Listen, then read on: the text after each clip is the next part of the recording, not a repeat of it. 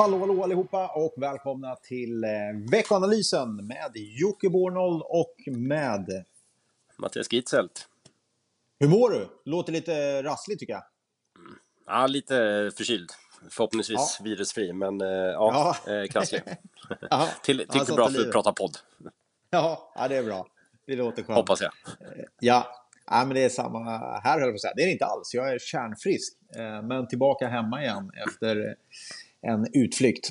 Eh, Och det känns ju bra. Du, eh, vi pratar lite konsumentförtroende i, i, i eh, veckans veckoanalys.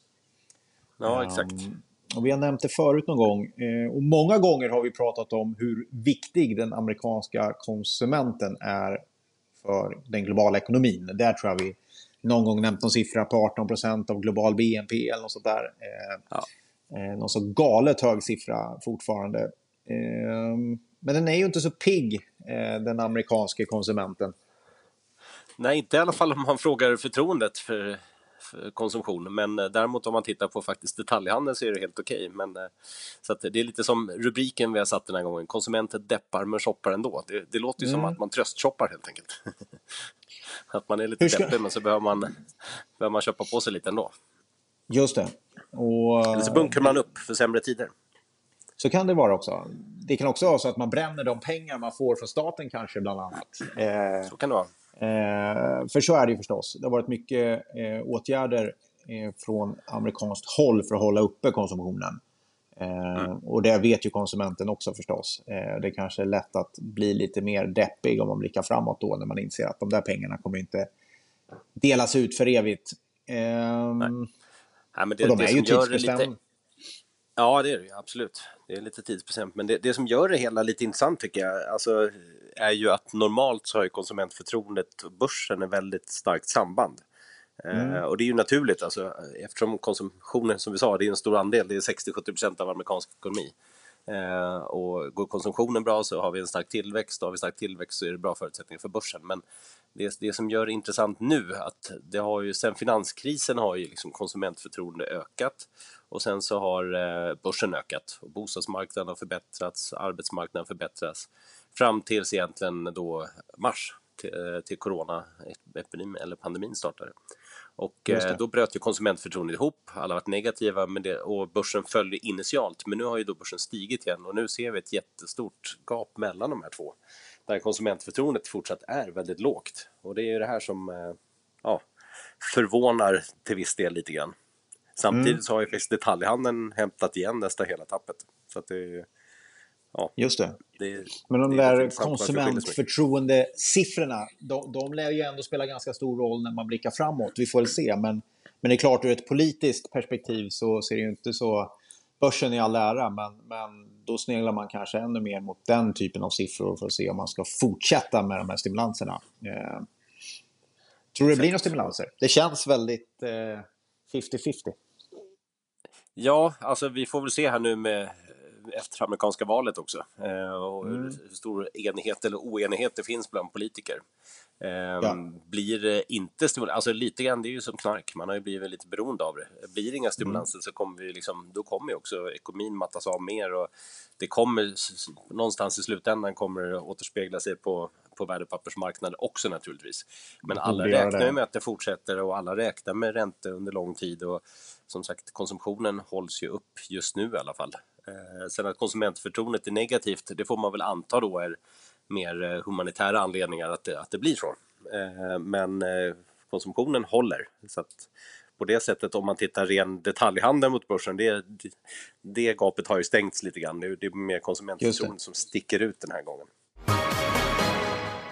Ja, det är intressant. Du, eh, förra veckan, eh, full fart på aktiemarknaden. Ett gäng nya all time high fick vi se.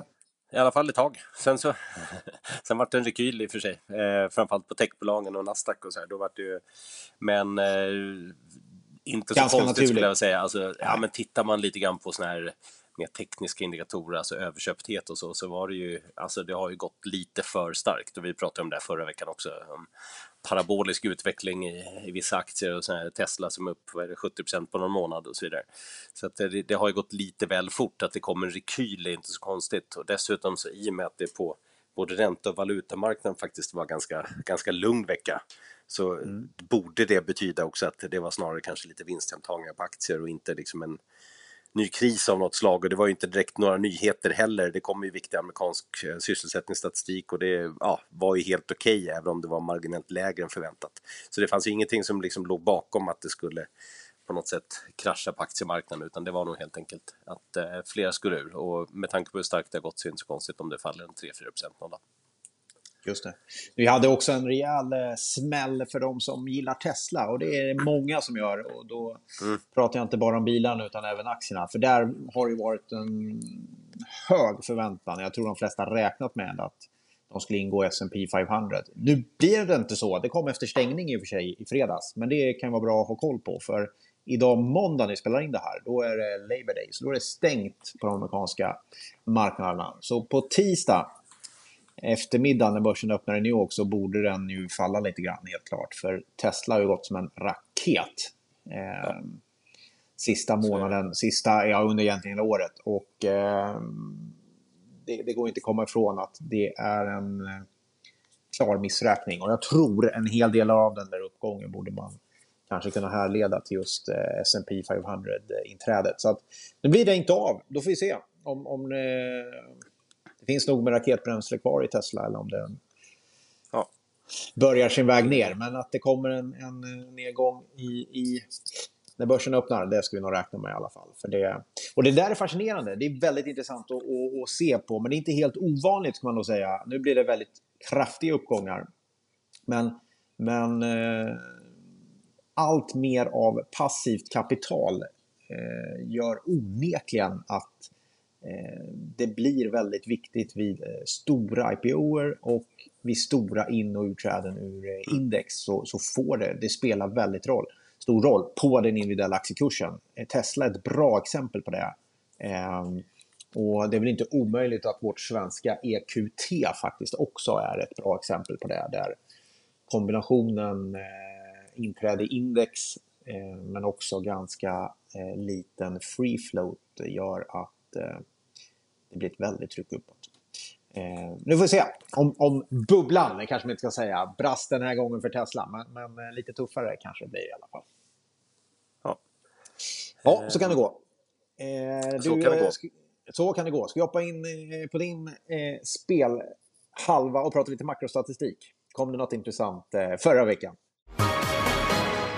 Eh, vi hoppar in och ja, men som sagt sysselsättningen kom ju. Eh, mm. lite lägre än förväntat, men eh, inga större marknadsreaktioner på det. Eh, och arbetslösheten har ju faktiskt kommit ner ordentligt, toppade ju på 14 procent och eh, har gått ner ja, den här månaden från 10,8 till 8,4 i USA. Ja. Så det är faktiskt ändå, ja, Eh, inte tillbaka på något sätt till de här låga 4 procenten, men, men ändå rimligt och trenderna förstärks liksom vad gäller deltagande på arbetsmarknaden igen och allting. Så det, det, ser faktiskt ut att eh, gå tillbaka till rätt eh, trend. Och eh, i övrigt så hade vi då inköpschefsindex fortsatt förbättrat, lite mer beskedligt kanske än, än, ja, än förväntat, eller om vi jämför med, med tidigare i våras. Men det, det, var ju definitiva siffror så vi hade ju haft preliminära redan så det var väl egentligen inga direkta nyheter. Och, eh, så det ser väl helt okej okay ut rent eh, makromässigt, det vill säga som förväntat en återhämtning. Sen blir det ju lite grann om man tittar den här veckan så blir det ju för sig ganska lugnt då, men eh, vi har ju en del BNP-statistik eh, från Japan och eurozonen. Vi har inflationsstatistik, Sverige, Tyskland USA. Och där, det som är lite intressant är det kom ju preliminära siffror för för europeisk inflation här och eh, de var ju faktiskt, alltså konsumentprisinflation, och de var ju faktiskt på minus 0,2 procent på årsbasis. Mm. Så att eh, på väg mot deflation eventuellt igen och varför blir det extra intressant? Jo, det är för att ECB har räntebesked nu på torsdag. Eh, och då är det naturligtvis viktigt att se hur man kommenterar det, om man kommer se över Eh, ja, man kommer med nya inflationsprognoser bland annat i den här, vid det här mötet. Och, eh, självklart tar man inte hänsyn till en månads statistik normalt men, eh, men ändå intressant att se om man kommenterar och på vilket sätt man kommenterar. Och det andra i det är också att vi under senaste tiden haft en lite starkare euro och det dämpar ju importerad inflation ytterligare. Vilket gör att vi har dels låg inflation som ju faktiskt har fallit lite grann under senaste tiden igen, alltså inte bara sista mätningen utan även innan så det var som lägst vid corona, när corona var som värst och sen så har det ökat lite, lite grann men med en väldigt mycket lägre nivå än innan corona. Eh, och nu går det tillbaks till minus och dessutom en starkare euro.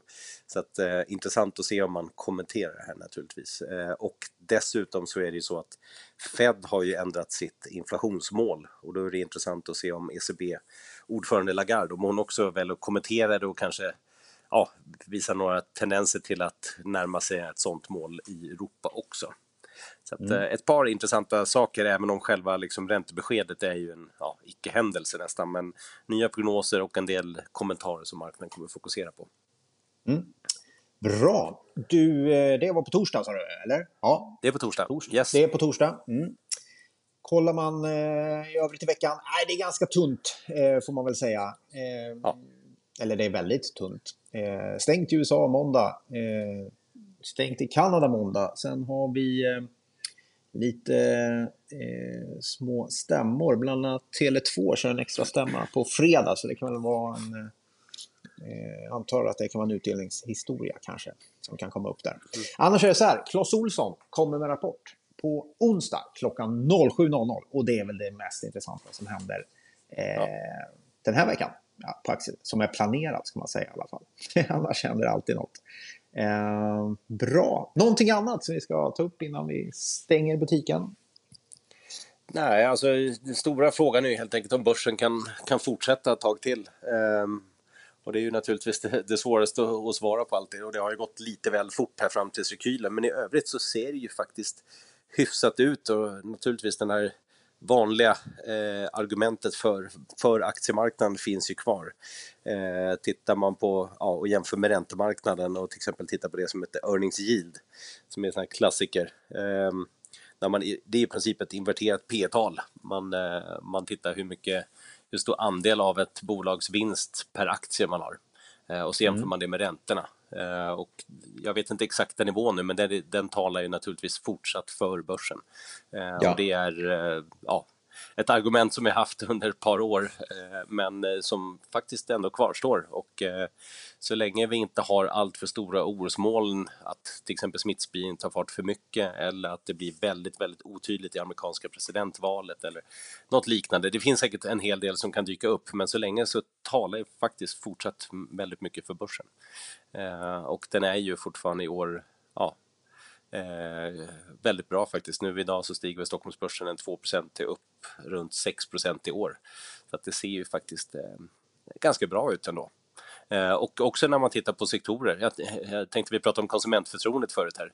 Bästa bransch mm. på en månad globalt. Sällanköpsvaror upp 8 det är inte ja. teknologi utan det är, det är konsumentcykliskt och, och sådana typer av bolag som just nu faktiskt går rätt bra. Så det är, mm. Man ska inte lita för mycket på konsumentförtroendeindikatorer utan det, det handlas på rätt bra och detaljhandeln visar det också. Just det. Ja, det snyggt. Bra. Jag tyckte det, det ska vi vara stolta över på 15 minuter. Det var ju hur mycket som helst. Eh, stort, stort tack för att ni lyssnar allihopa. Och eh, vet ni vad? Vi hörs nästa vecka igen. Ha det gott allihopa, så uh, ta det lugnt. Ha det gott. Ha det bra. dödar, så var ni era kära mödrar och var ni era fäder med. Därför partypatrullen och kräver det. Och våga inte stå där stilla med benet på väggen, stå där och chilla. Då kommer discosnuten bötfälla dig, då får du discotruten. Olagligt att inte dansa, asexuell, straight eller transa varannan skål sen. Vi ska twista till svetten, lackar till polisen, juristen och rätten backar. Skiter i tiden och vad klockan slår när vi revar hela dygnet så långt vi förmår.